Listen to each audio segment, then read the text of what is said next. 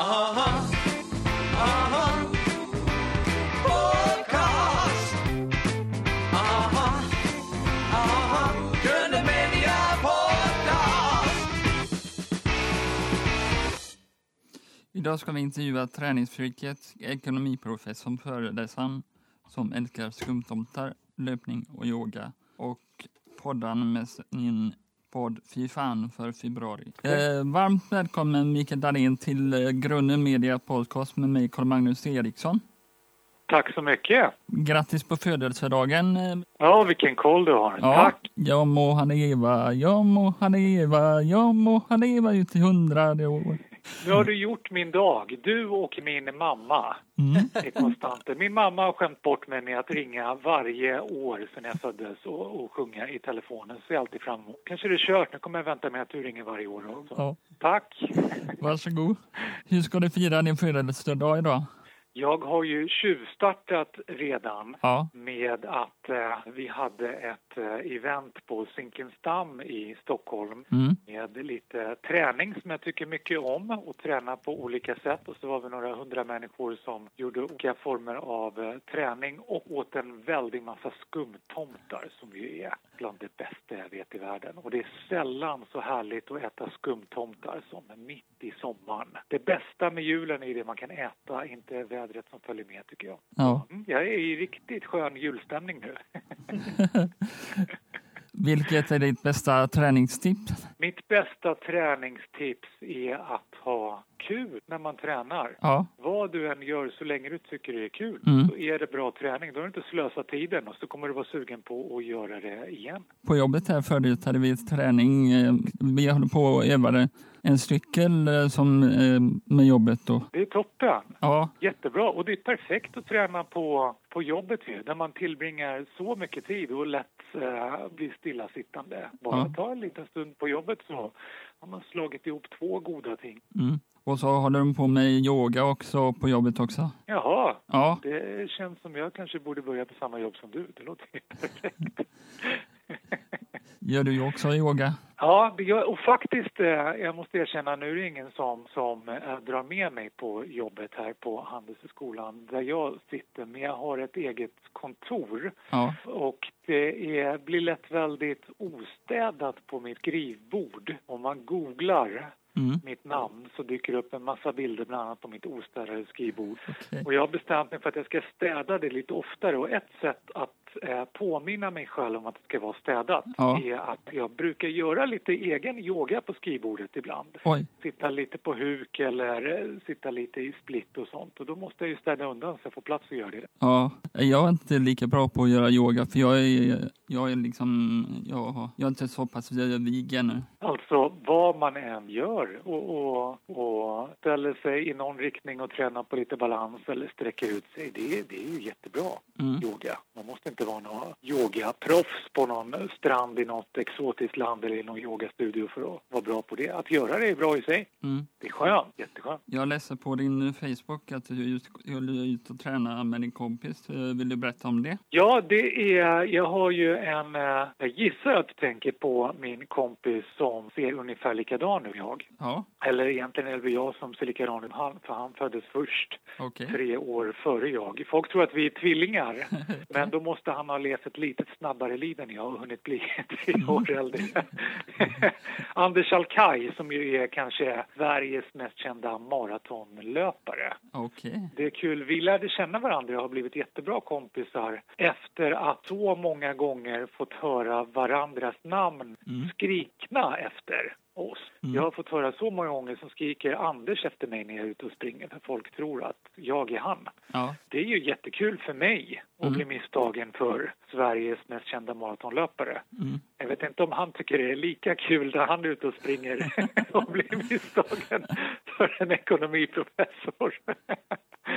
Men i alla fall gjorde att vi, vi lärde känna varandra och sen har vi börjat att springa lite ihop i Mm. olika sammanhang. Så nu gjorde vi en sak. Han är chefredaktör på Runners World tidning för okej. löpare. Så vi gjorde en sak tillsammans på ett event som Runners World och Midnattsloppet Vasaloppet har. Det här loppet som går i Göteborg, Stockholm och Malmö i slutet av sommaren Mm. är väl det. Som en liten uppladdning hur man kan träna lite kul för att komma igång under sommaren så att man kan springa Midnattsloppet som är en mil i augusti. Så då bland annat så, så sprang vi och så åt vi skumtomtar såklart och eh, lite kexchoklad som Mm. brukar finnas på Midnattsloppet och hade väldigt kul. Ja, och så du är ju professor i ekonomi och eh, träningsfreak. Eh, Hur kommer det sig att du började med träning och inte ekonomi? Ja, det är en fråga som eh, jag ställer mig också.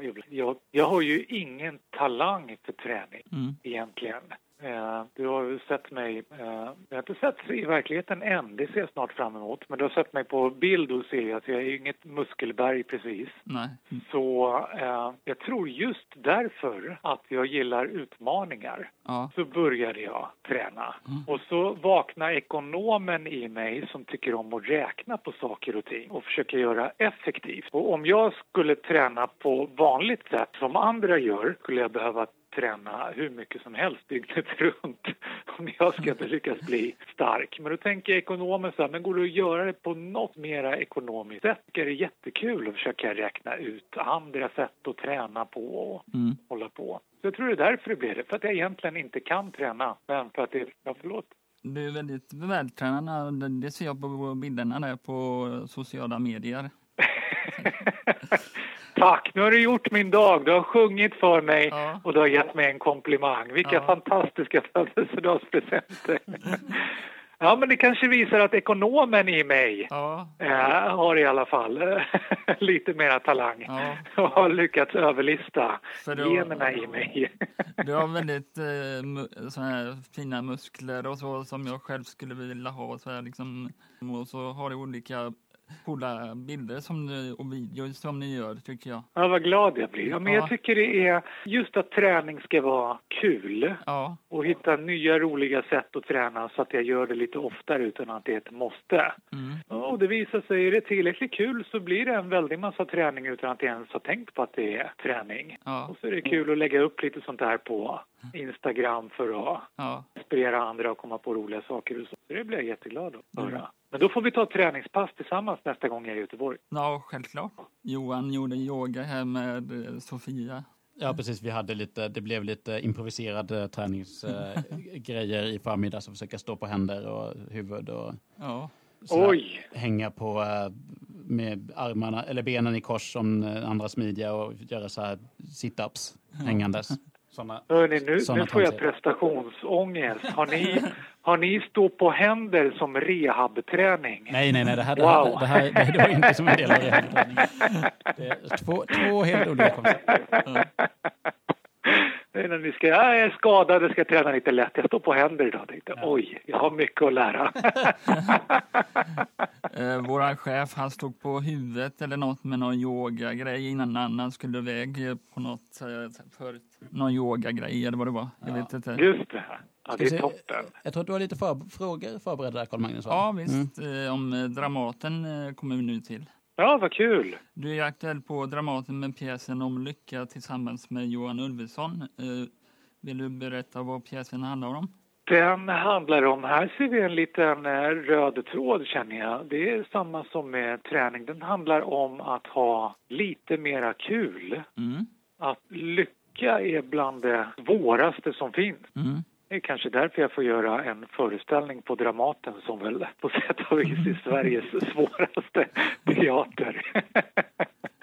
Men, men vi brottas ju alla med lycka. Att vi vill, vill, vill bli lyckliga men känner ofta att vi inte är så lyckliga som vi tycker att vi borde vara. Mm. Och kanske är det det som är problemet, att vi gör lycka till ett så stort och svårt projekt. Mm. Och finns det andra sätt som vi skulle kunna tänka på lycka? Som att ha lite roligare i tillvaron. Lite så handlar föreställningen om och framför allt så har vi väldigt kul. Johan Mm. Ulveson och jag har jättekul när vi gör den här föreställningen och de som är där har Ja. väldigt kul. Så det skulle jag nog säga är det viktigaste. Jag tror ingen blir för evigt lycklig av att se föreställningen men, men alla har lite kul under och en stund efter att de har varit där och det är härligt tycker jag. Mm. Hur är Johan Ulveson att jobba med? Hur är han som person? Ja, det rekommenderar jag verkligen. Får du tillfälle att eh, jobba någon gång med Johan Ulveson, gör det. Tackar jag. Mm.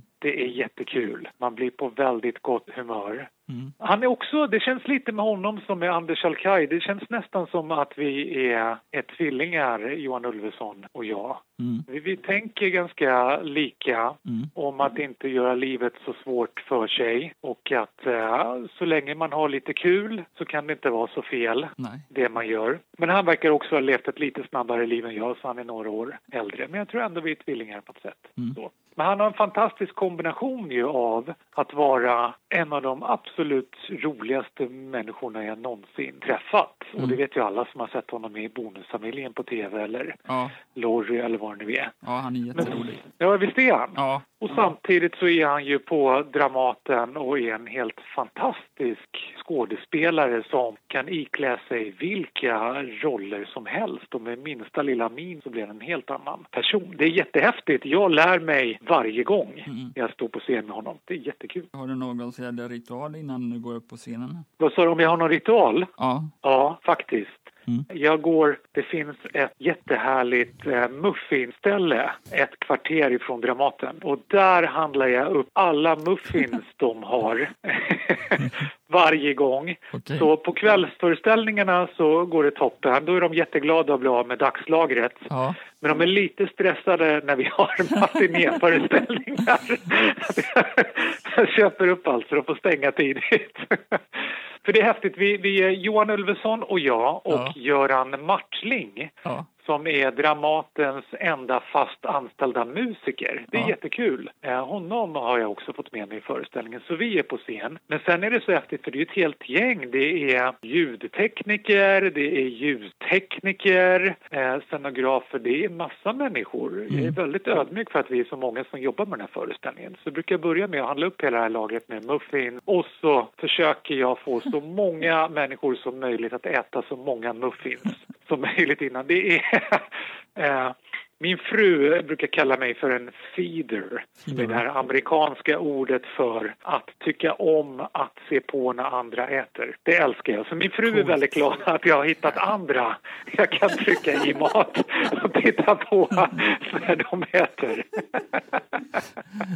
Vilken är den godaste muffins du har ätit på innan du har gått upp på scenen? Det där varierar ju lite med dagsform, måste jag säga. Men en, en solig dag så tycker jag att en eh, choklad och lakritsmuffin Ja, är fantastiskt god. Det kan jag rekommendera. ja, En lite kallare dag så är det något viss med äpple och kanel. Lite så här äppelpajskänsla som ju hör sommaren till. Det, är så här, det frammanar sommarkänslor och det kan man behöva när det regnar vid, vid kajen utanför Dramaten.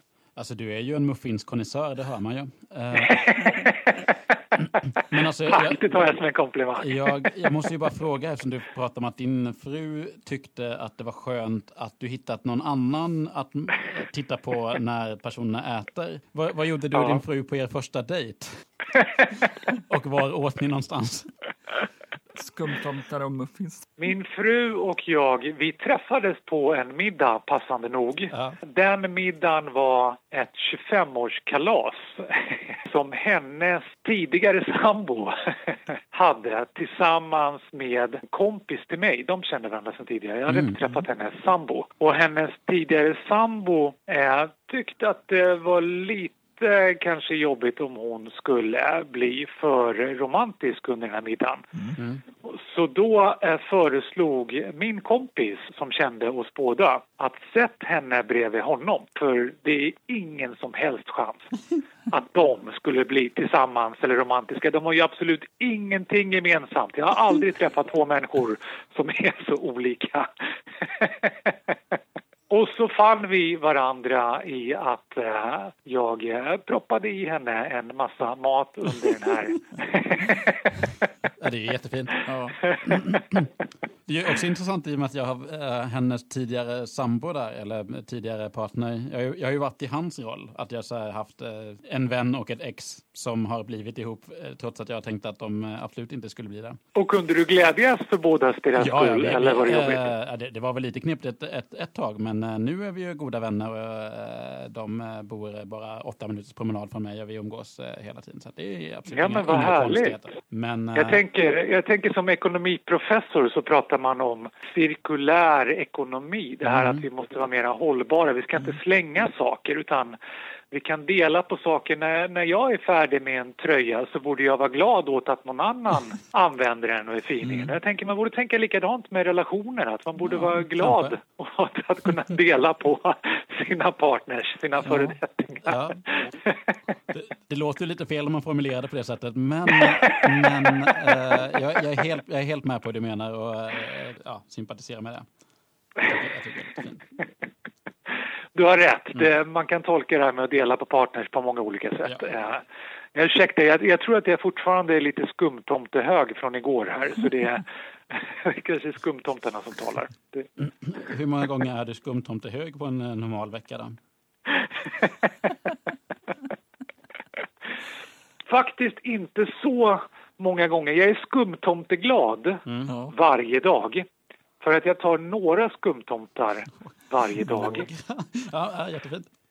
Men jag försöker liksom tänka både och i det mesta i livet. Mm. Att inte vara så antingen eller, inte vara antingen att jag ska späka mig och bara äta nyttigt och vara i jättebra form eller unna mig hur många muffins och skumtomtar som helst utan att vara lite både och. Att, att varje dag kan jag äta ett par, tre skumtomtar och träna Mm. och vara ganska nöjd med, med både den själsliga formen och den kroppsliga formen. Mm. Mm. Ja, men det tycker jag låter som ett jättebra tips att ta med sig från, från det här Ja, samtalet. Men Har eh, något bra tips i alla fall med alla konstigheter. kan man även eh, köpa dem på sommaren, eh, skumtomtarna i alla butiker? Nej, man kan ju inte det och det borde man kunna tycker jag. Ja. För jag tycker ju att skumtomtarna är som, som godast på sommaren. För då känns det som en liten bonus, en liten lyx istället för att det drunknar i snön och vintermörkret och all denna stress som hör julen till med allt vi ska äta, alla vi ska träffas Mm. och så vidare. Det är lite mer kravlöst och lite härligare att göra det på, Ja. på sommaren, Men tycker du, jag. Eh, du som ändå är en offentlig person på det sättet, du ska inte göra en Paolo Roberto och starta din egna mm, linje. Han, han säljer ju massa eh, italienska matvaror och sånt där. Så kan du ju göra året runt eh, skumtomtar. Det det här känns som ett perfekt tillfälle. Här har vi ett scoop för det här avsnittet. Oh, det är Vet på gång ni? alltså. Vet ni? Nästa vecka ska jag till skumtomtefabriken Wow! för att tillsammans med deras utvecklingsteam provsmaka ett antal skumtomtar i smaker som jag har drömt upp Mhm, som förhoppningsvis ska lanseras nästa år. Okej. Var ligger skumtomtefabriken? Snälla säg Den- Nordpolen. Precis, det är så här, vågar jag avslöja det då kanske de blir eh, eh, tänker de på skumtomtefabriken, säg inget, det kommer bli en invasion här. Ja. Den ligger i Linköping. Mm. Alla I, kommer åka eh, dit. Ja, precis. I Ljungbro i Linköping. Okej.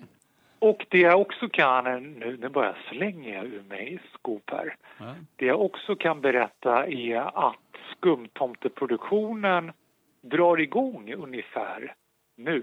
Mhm. Man tänker att alla skumtomtar görs väl i december när alla skumtomtar äts. Men det, det äts så fruktansvärt många skumtomtar i december att det finns inte tid och, och utrustning nog att göra alla skumtomtar då. Så, så de måste börja göra skumtomtarna ganska långt innan för att bygga upp den mängd skumtomtar som alla ska sätta i sig kring jul sen. Mm. Då får vi starta en egen firma som gör skumtomtar. Eh, här- vi? Kan vi inte starta ett gemensamt upprop här nu? Ja. Det räckte inte att jag sa något. Jag har sagt det till folket på Cloetta, men det räckte inte. Men nu har vi ju muskler här i form Ja. av er fantastiska podd med alla lyssnare. Ja. Jag vet inte om ni kommer ihåg, men för jag kommer inte ihåg hur många år sedan det är, om det är sju, åtta år sedan, så hade Cloetta eh, jubileum för skumtomtarna som hade funnits i 50 år tror jag. Ja, nej. Då tyckte de att nu ska skumtomten få lite semester så då, då lanserade de julitomtar. Istället för jultomtar så var det julitomtar i juli Mhm. med smak av eh, päronsplitt och Coca-Cola tror jag det var. Okej. Vad var ditt utlåtande om dem då? Jag tyckte de var helt fantastiska. Mhm. Åt ju hur många som helst Gott. Men jag vet inte hur det var med resten av Sverige. Det var nog många som inte ens, ens hann upptäcka det. Det här var ju under juli bara när alla andra var bortresta. Mhm. Så sen när alla kom tillbaka från semestern, ja, då hade julitomtarna också kommit tillbaka från semestern. Och så tyckte Cloetta, nu är det färdigt. Jag skulle tycka att de borde lansera såna igen. De var jättegoda tyckte jag. Så nu kan vi skapa en gemensam Mm. Folkstorm. Hela Sverige stormar. Ta tillbaka julitomtarna. Ja. Även en eh, glass, eh, sån här glasstomte, eller vad är det, glasskrumtomte. Ja, det låter ju som en underbar Ja, ny sommar. kombination. Det är en genial idé. Ja.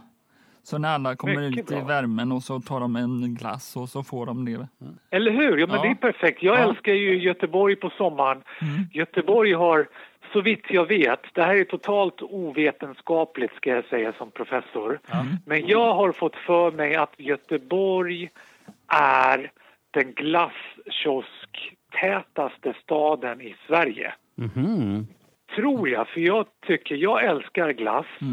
Men fryser extremt lätt. Så därför äter jag bara glass mitt i sommaren. Och, och när jag då är i Göteborg så blir det en väldig massa glass på sommarna. Och det känns inte som jag behöver gå mycket mer än 100 steg i vilken riktning som helst. Så finns det en glasskiosk. Ja. Ja, Och de brukar ju ha lite roliga smaker. Jag gillar ju roliga smaker. Så det, ibland finns det sån här kulglass med chokladbollssmak eller Mm. smurfsmak och allt. Det känns som där, bland alla dessa fantastiska glasskiosker i Göteborg skulle Mm. man väl kunna testa några kulor med skumtomtesmak. Ja, men det tror jag definitivt. ja. Du får väl säga till de företagen att de ska lansera sådana skumtant, skumtantglass. Ja, eller hur? Ja. Eller muffins om de tycker det. Funkar Ja. också toppen. Om du inte vore skådespelare, vad skulle det vara då? det, den frågan ställer jag mig också hela tiden Ja. och tänker att det ska jag ta reda på. Ja. Jag har provat att vara författare och skrivit. Jag skriver ju eh, böcker lite då och då. Den senaste boken handlade om träning Mm. och jag har skrivit böcker om eh, lycka, om kreativitet och allt vad det är. Men det är ju fackböcker och när man tänker författare, det är sådana som skriver romaner. Så jag skrev en roman för några år sedan. Det var väldigt kul att prova på och sen fick jag prova på, vilket var jättekul, att vara konstnär och, och drömma ihop några konstverk som ställdes ut på en konsthall när konsthallen Verket i Avesta hade 20-årsjubileum. Mm. Så ville de testa något nytt och, och utmana sig själva. Och det mest utmanande de kom på det var att bjuda in mig att få testa vara konstnär. Det var jättekul.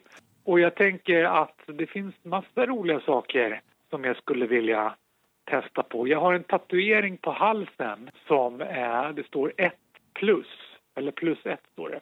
Mhm. Där jag tänker att jag ska ta ett år i taget. Att inte göra planer 10, 20, 30, 40 år framåt i tiden för vad jag ska göra. Utan ta ett år i taget och, och göra det jag är nyfiken på nu.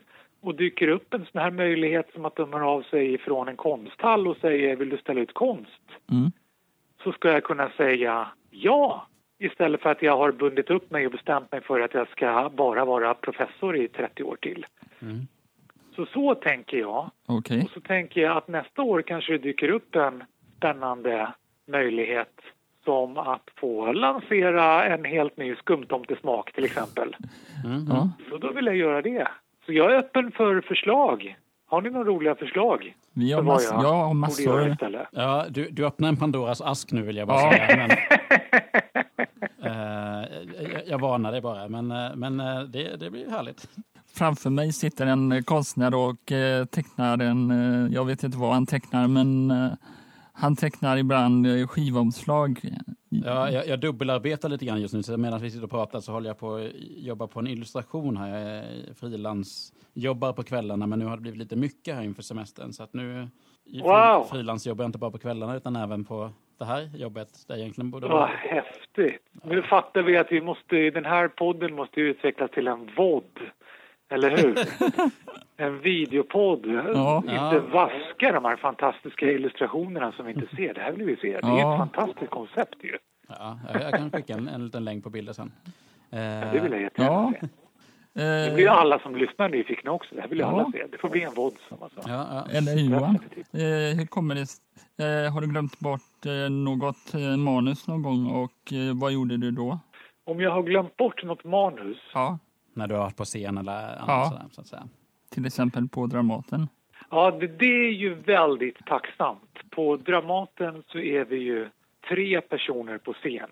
Så då kan man alltid rädda varandra Okej. lite grann. Eh, fylla i varandras ord.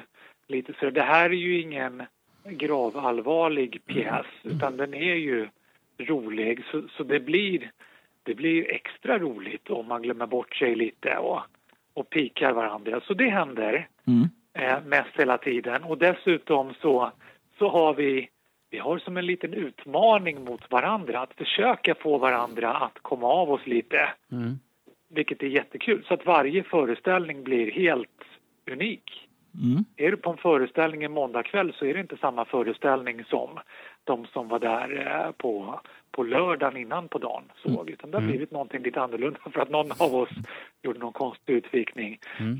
Sen händer det när jag föreläser själv, händer det också ofta. Eh, ofta, de flesta när de föreläser och jag också har någon sån här bildspel man har i Powerpoint eller vad det är som man Mhm. visar samtidigt som man pratar. Men jag har gjort det lätt för mig så, så mitt bildspel består ofta av bilder, bara en stor bild på en leende mun eller en upp och nervänd femma eller någonting sånt Mhm. där jag har en tanke att här handlar det någonting om att vi ska vara glada eller att eh, eh, fem år går snabbare nu än det gjorde för fem år sedan. Men det bästa är att ingen som ser den bilden vet ju riktigt vad jag kommer prata om. Nej. Så kommer jag av mig så får jag hitta på någonting när jag står där. Mm. Vilket är ganska tacksamt. Och det kan ju ge en liten, en liten rush i, ehm, i tillfället liksom. Alltså så här, Ja. man, man själv är den enda som vet att oj, nu höll jag på att trampa i uh, klaveret där. Men eh, det märkte ju ingen och jag lyckades komma undan med det. Så, så Ja, precis. blir det en liten... eh, Precis. när man liksom... Jag ser, en, ja, jag ser en tjusning i det. Jag har perioder när jag föreläser väldigt ofta, flera gånger i veckan. Eh, och då, när det är för intensivt så kan jag... Det har hänt någon gång att jag har kommit på mig själv med att så här nästan vakna till mitt under pågående föreläsning. Så där som man kan göra när man sitter i publiken. Man nästan nickar till lite Ja. och så vaknar man till efter en stund. Och att jag själv Ja. kan känna det under föreläsningen. Jag står ju där och pratar. Men, men det är som att autopiloten kopplas in, för det här har jag sagt så många gånger. Så det går av sig självt. Jag är knappt närvarande när jag gör det. Mm. Och det påminner mig om att det är ju inget kul. Det är ingen kul för mig och det kan inte vara kul för publiken med någon som bara står och rabblar något på autopiloten. Så jag har också som en, en sån drivkraft att varje gång spåra ur lite grann så att varje föreläsning blir unik. Mm. Att jag liksom måste vakna till, att inte gå på auto. Det tycker jag gäller livet på det stora hela också. Ja, men precis. Att akta mig för att gå på rutin. Mm. Utan att faktiskt vara öppen för och till och med söka det där oväntade. Att göra fel. Jag tycker ofta när det är saker och ting som går fel, som inte blir som man tänkt sig. Det är de sakerna man minns i efterhand. Ja, Det men andra precis. glömmer man bort Ja. på en gång. Det är de som liksom blir det, det minnesvärda. Mm. Eh, hur, Jag kommer du, älskar det. eh, hur kommer det sig att du börjar måla dina naglar svarta? Eh, det kommer sig av... Eh, det är två saker. Det ena är att jag växte upp med artister som Kiss och Mm. Alice Cooper och David Bowie innan dess Mm. och så som målade naglarna. Mm. Det gjorde rockstjärnor på den tiden jag växte upp och det fanns rockstjärnor. Ja. Eh, Och jag, jag ville bli en rockstjärna också. Jag höll på mycket med musik och trodde det var det jag skulle göra. Men det blev det ju inte. Det kanske Nej. hör samman med att jag har väldigt dålig hörsel. Så, så det som lät bra när jag spelade, eh, som lät bra i mina öron, det lät hemskt i alla andras öron ja. som hörde ordentligt. Men jag har alltid haft den drömmen och tycker att det var snyggt. Men så blev jag något annat. Jag blev professor och sådana brukar inte måla naglarna. Mm. Eh, Så jag försökte bete mig som och se ut som en professor istället. Ja. Men, men så hände det saker nästan samtidigt så fick både min mamma och min pappa hjärntumörer. Oj. Oj. De, eh, eh, de skilde sig när jag var liten och levde olika liv och eh, så bara råkade det sig att de hamnade eh, på sjukhus i varsin ända av stan med, med hjärntumörer av lite olika slag och det blev en sån väckarklocka för mig. Mm. Det här som vi ju egentligen alla vet, att vad som helst kan hända när som helst. Mm. Ta inte livet för givet. Men det blir så lätt att vi gör det ändå, att det lunkade på. För mig blev det en jätteviktig väckarklocka att jag kan inte räkna med att jag ska bli hundra år gammal, att, att jag kan leva mitt liv och vara den jag vill vara sen, utan det gäller att passa på nu Mm. när jag lever. Och då kände jag att nu är det dags att måla naglarna. Att inte vara den där rockstjärnan jag inte har blivit men kanske blir sen. Utan att för min egen skull få känna mig som en sån. I alla fall. Och de här målade naglarna är en sån påminnelse till mig själv. Att vara den jag är och vill vara nu. När jag faktiskt kan vara det. Mm. Ännu ett bra eh, tips och tanke att ta med sig från, eh, från det här samtalet och den här podden. Mm. Tack så mycket. Ja, vad glad jag blir. Tack. Eh, vad är det första du ska... Eh, hur gick det att eh, lansera februari månaden? Februari. Det var kul. Februari. Mm. Det var kul. Ja. Jag, nu, nu har ni förstått att jag fryser väldigt mycket och inte tycker om det. Nej, Och inte därför heller. så av... Ja, då är vi två. Skönt. Ja. Ja. Därför att eh, alla försöker ju hitta, i det här landet, det förstår jag, Mm. försöker hitta ljusglimtar i vintern. Ja, men det är så härligt, det blir ljusare med snö och man kan eh, åka skridskor och det får dig att uppskatta sommaren mer. Det vore väl Ja. tråkigt om det bara vore sommar. Och det har inte jag känt.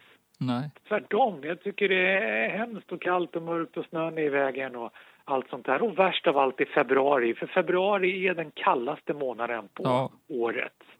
Det har jag kollat upp, sånt kollar jag upp. Mm.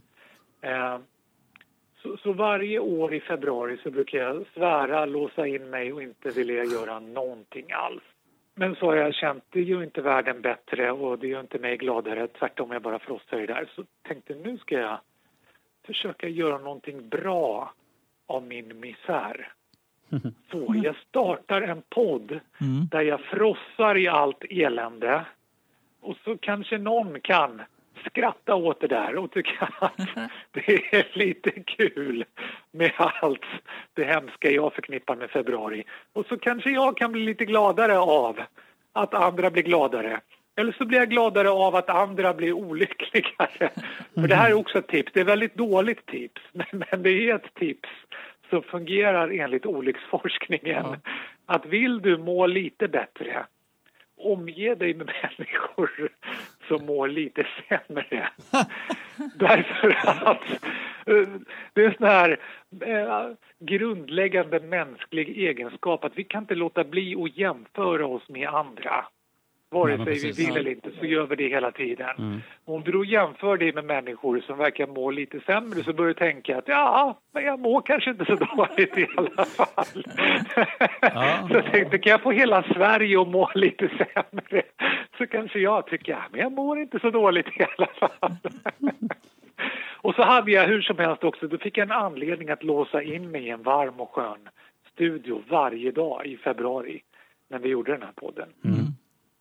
Och det var jättekul, eh, men väldigt jobbigt. Jag hade inte förstått hur jobbigt det är att programleda poddavsnitt hela tiden. Så jag fick en väldig respekt Men för var, er som gör det här. men, Det men det var roligt med. Eller? Ja, det var jättekul.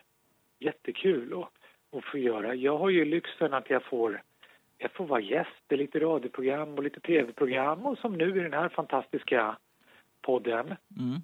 Eh, vilket är jättelyxigt. Det är, det är ditt jobb att komma på frågorna. Ja. Mm. Men, men det är lite kul att eh, under en månad i alla fall, det räckte för mig, få, få hitta på frågorna och bjuda in någon annan gäst och inte vara den som håller låda själv. Det var väldigt kul. Och din podd hette Fy fan för februari. Ja, precis.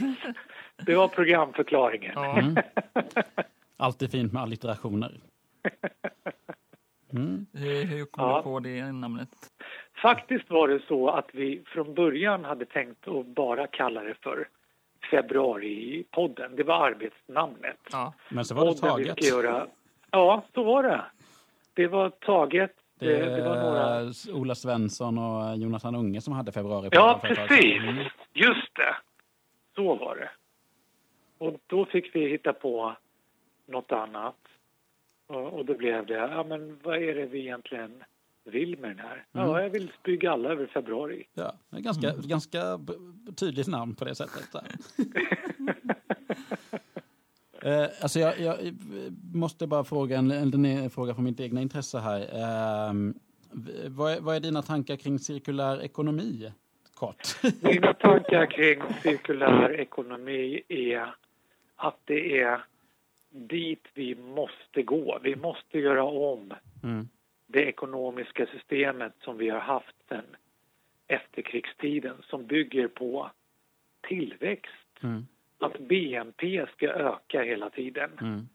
Uh, och, och det är någonting som inte är hållbart. Som inte har varit det. Om man tittar på, på siffrorna som, som går tillbaka till 60-talet när man började mäta det här Mm. systematiskt så kan man se att det har inte varit hållbart på en väldig massa år. Nej. Men vi har ändå haft så mycket marginal. Ungefär som att låna pengar av banken. Mm. Att så länge det är låga räntor så kan man låna mycket mera pengar än man egentligen har råd att betala tillbaka. Men sen helt plötsligt när räntorna stiger, Mm. det är då det skiter sig. Och det är ungefär det läge vi har kommit till med, med samhällsekonomi också. Vi har lånat mycket mera än vi har råd att låna. Mm. Men det är först nu, när vi verkligen ser klimatet höja räntan, om man kan uttrycka sig så, Ja, men som, som precis. vi förstår att det inte är hållbart. Och cirkulär ekonomi bygger ju på att vi inte ska behöva ha tillväxt. Vi ska inte behöva låna av framtiden, att konsumera och producera mera än vi egentligen har råd med nu. Ja, men precis. Vi, vi ska göra precis det vi har råd med i år. Vi ska gå plus minus noll. Mm. Och eh, använda sig av de resurserna som, som, som redan finns i omlopp kanske. Ja, Eller? precis så. Eh, vi, vi, vi ska eh, dela tröjor och partners och. Bjuda våra föredettingar på 25-årskalas med. Ja, ja men det, Du har inte, vad kan gå fel? du har inte funderat på du har inte funderat på att ta över Jan Ingves, Riksbankens chef? Jag, goog- jag googlade precis på det och Jag skulle kunna tänka bli riksbankschef. Eh, att vara... Här, här behöver jag ju påminna mig. Det är därför jag har det här plus ett eh, på halsen så att jag ser mig i spegeln och inte säger det jag precis tänkte säga nu. Att riksbankschef kommer jag aldrig bli därför att chef ligger inte för mig att vara. Nej. Men vem vet, om eh, 100 år eller 14 år så kanske jag helt plötsligt skulle kunna bli chef för att eh, världen har ändrats och Riksbanken har ändrats och allt vad det är. Men just nu tror jag inte att det skulle vara bra för Riksbanken eller för någon i det här landet att, att jag blev chef där. Som sagt, om man googlar mitt kontor och tittar på hur det ser ut där så fattar man nog att det vore skönt med någon som har lite mer ordning och reda. Nej, jag personligen hade ju gärna sett en riksbankschef som förstår värdet i omställning till en cirkulär ekonomi, men eh, det är ju det är bara jag. Nej, det tror jag inte. Och jag tycker det är jättebra att vi pratar om det nu. För vi behöver prata om det nu och i flera sammanhang.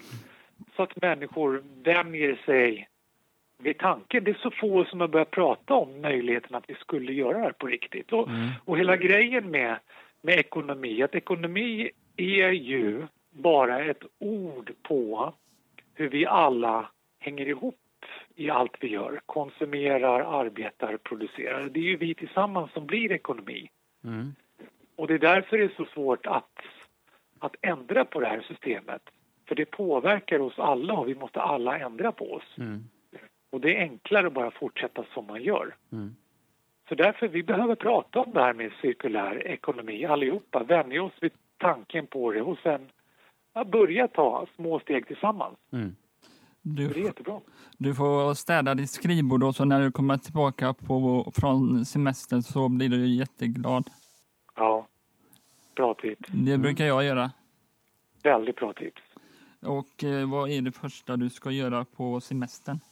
Det första jag ska göra är att ställa in mina skor i klädkammaren Mhm.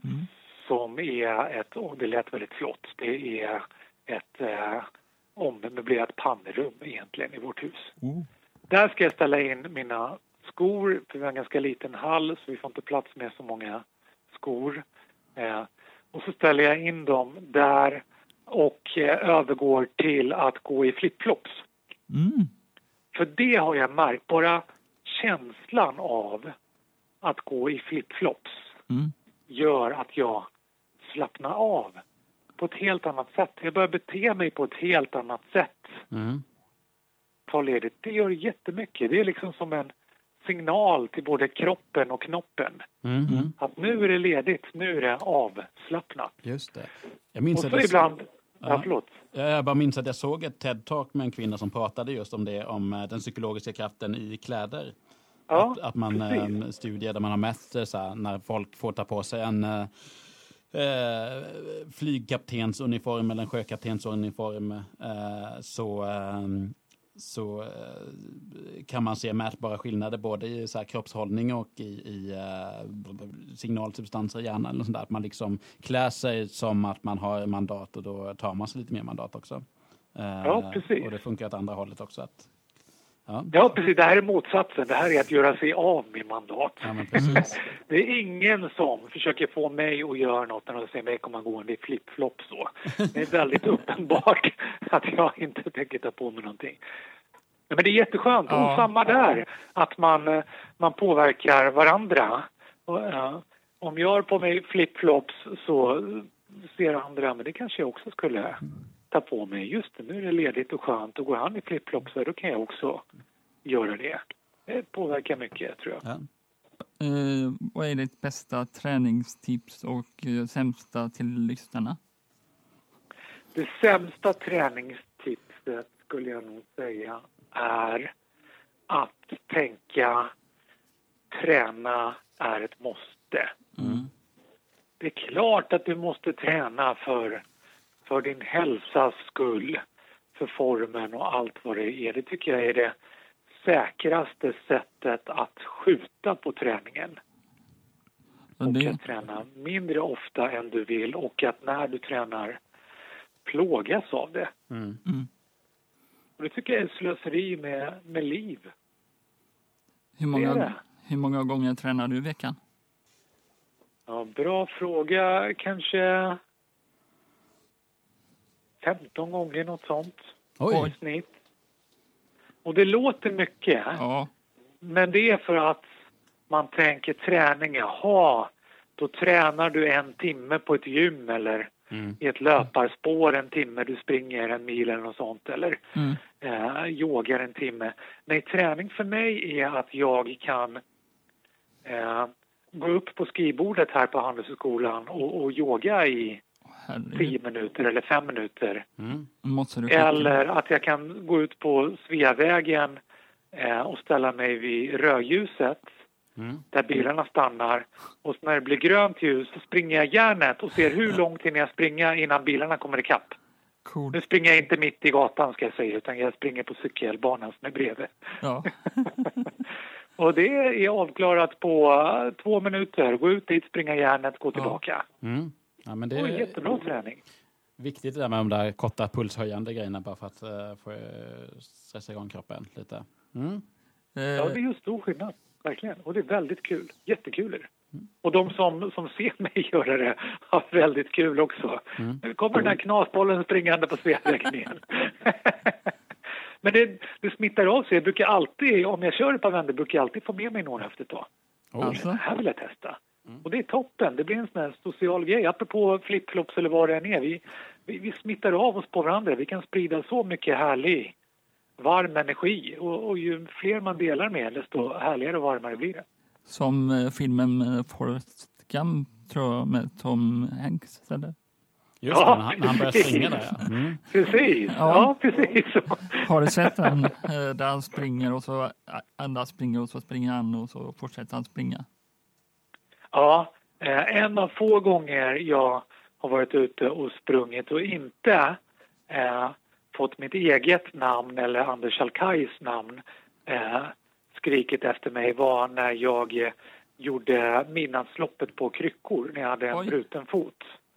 Mm. Eh, och då startade jag i sista startgruppen för jag tänkte det är inte snällt att och börja längre fram och vara i vägen med kryckor för folk som vill komma förbi.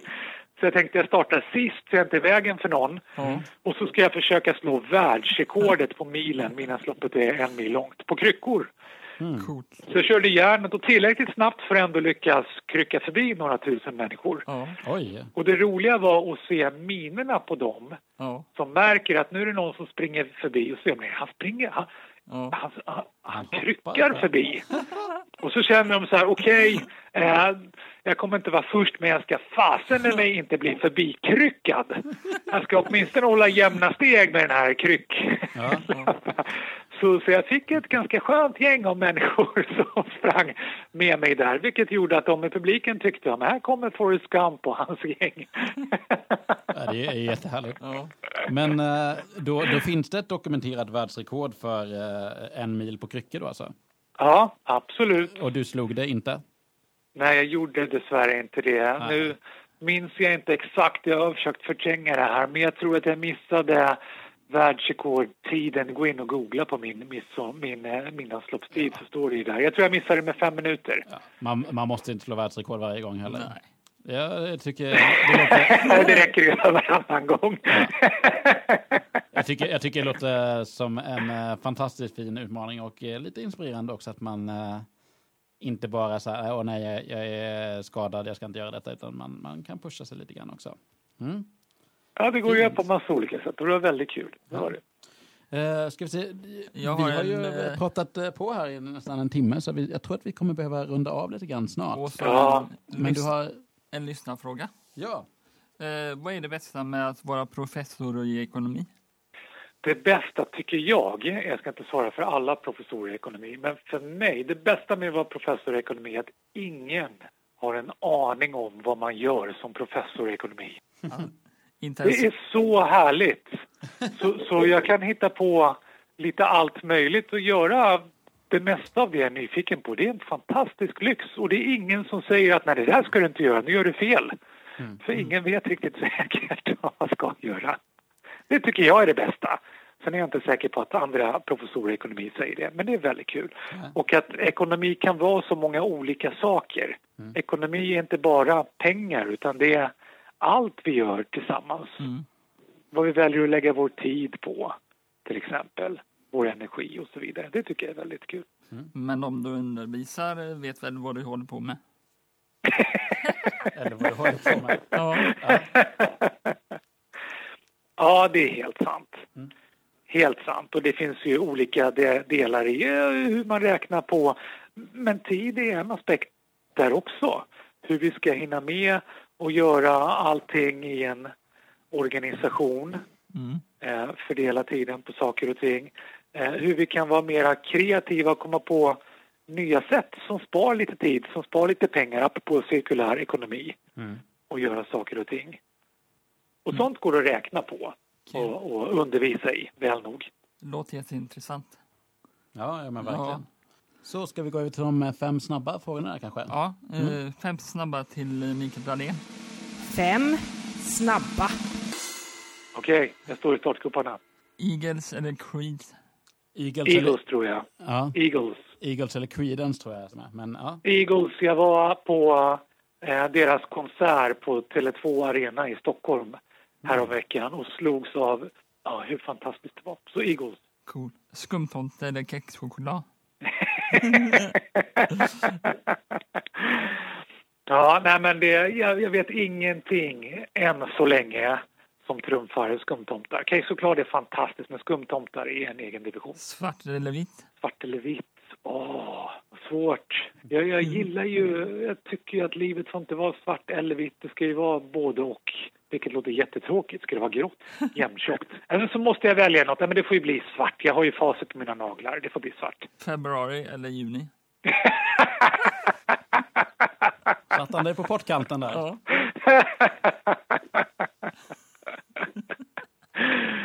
Ja, jag önskar ju. Det hade ju varit toppen om jag hade blivit helt omvänd när jag gjorde den här podden och sa februari. Men nej, jag är fortfarande är ett junibarn. Vi får göra favorit i repris någon gång. Ja, precis. Det kanske behövs ett varv till. Falcon alkoholfri eller Ramlösa? Fantastiskt kluriga frågor att ställa. Ja.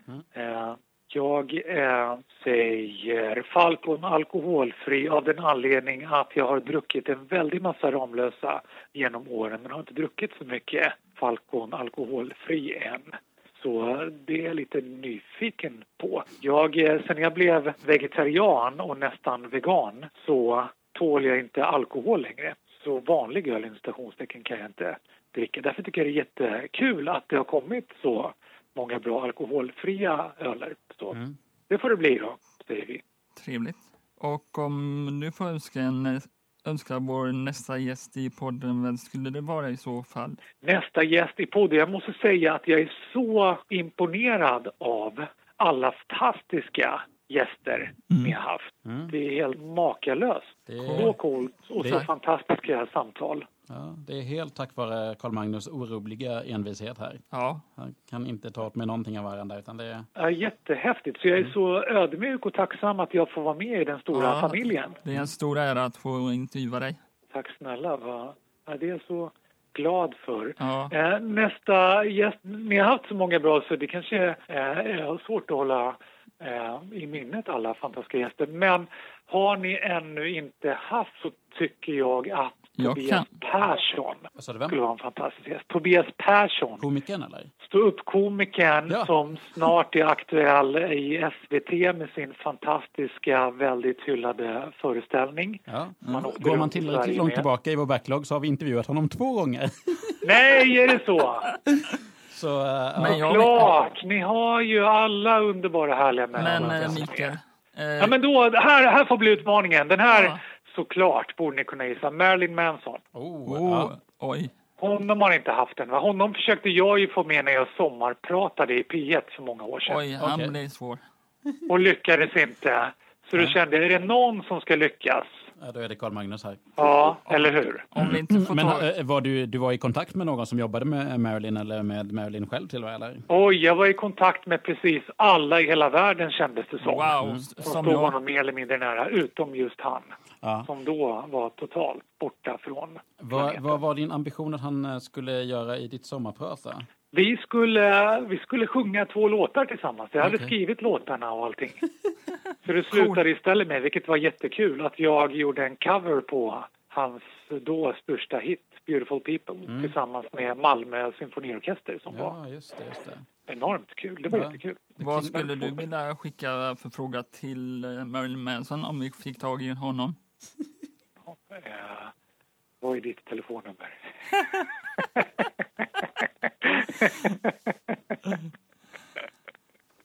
Den får det bli. Mm. Eh, om vi inte får tag i hon- honom, vad skulle vi göra då? Det finns en helt fantastisk ståuppare som snart är aktuell i SVT som heter Tobias Persson. Ja, men då antecknar vi Tobias Persson där. Tack så mycket för tipset, Ja. eh, Mikael. Jättetrevligt att Jätte- prata med dig. Eh, Tack så jättemycket Tack så för att jag fick vara med. Du får ha en fortsatt trevlig födelsedag och Ja. så eh, hörs vi av framöver helt enkelt. Tack snälla. Ja, Ha det bra. detsamma. Hej. också. Hej. Ha det bra. Uh-huh. Uh-huh.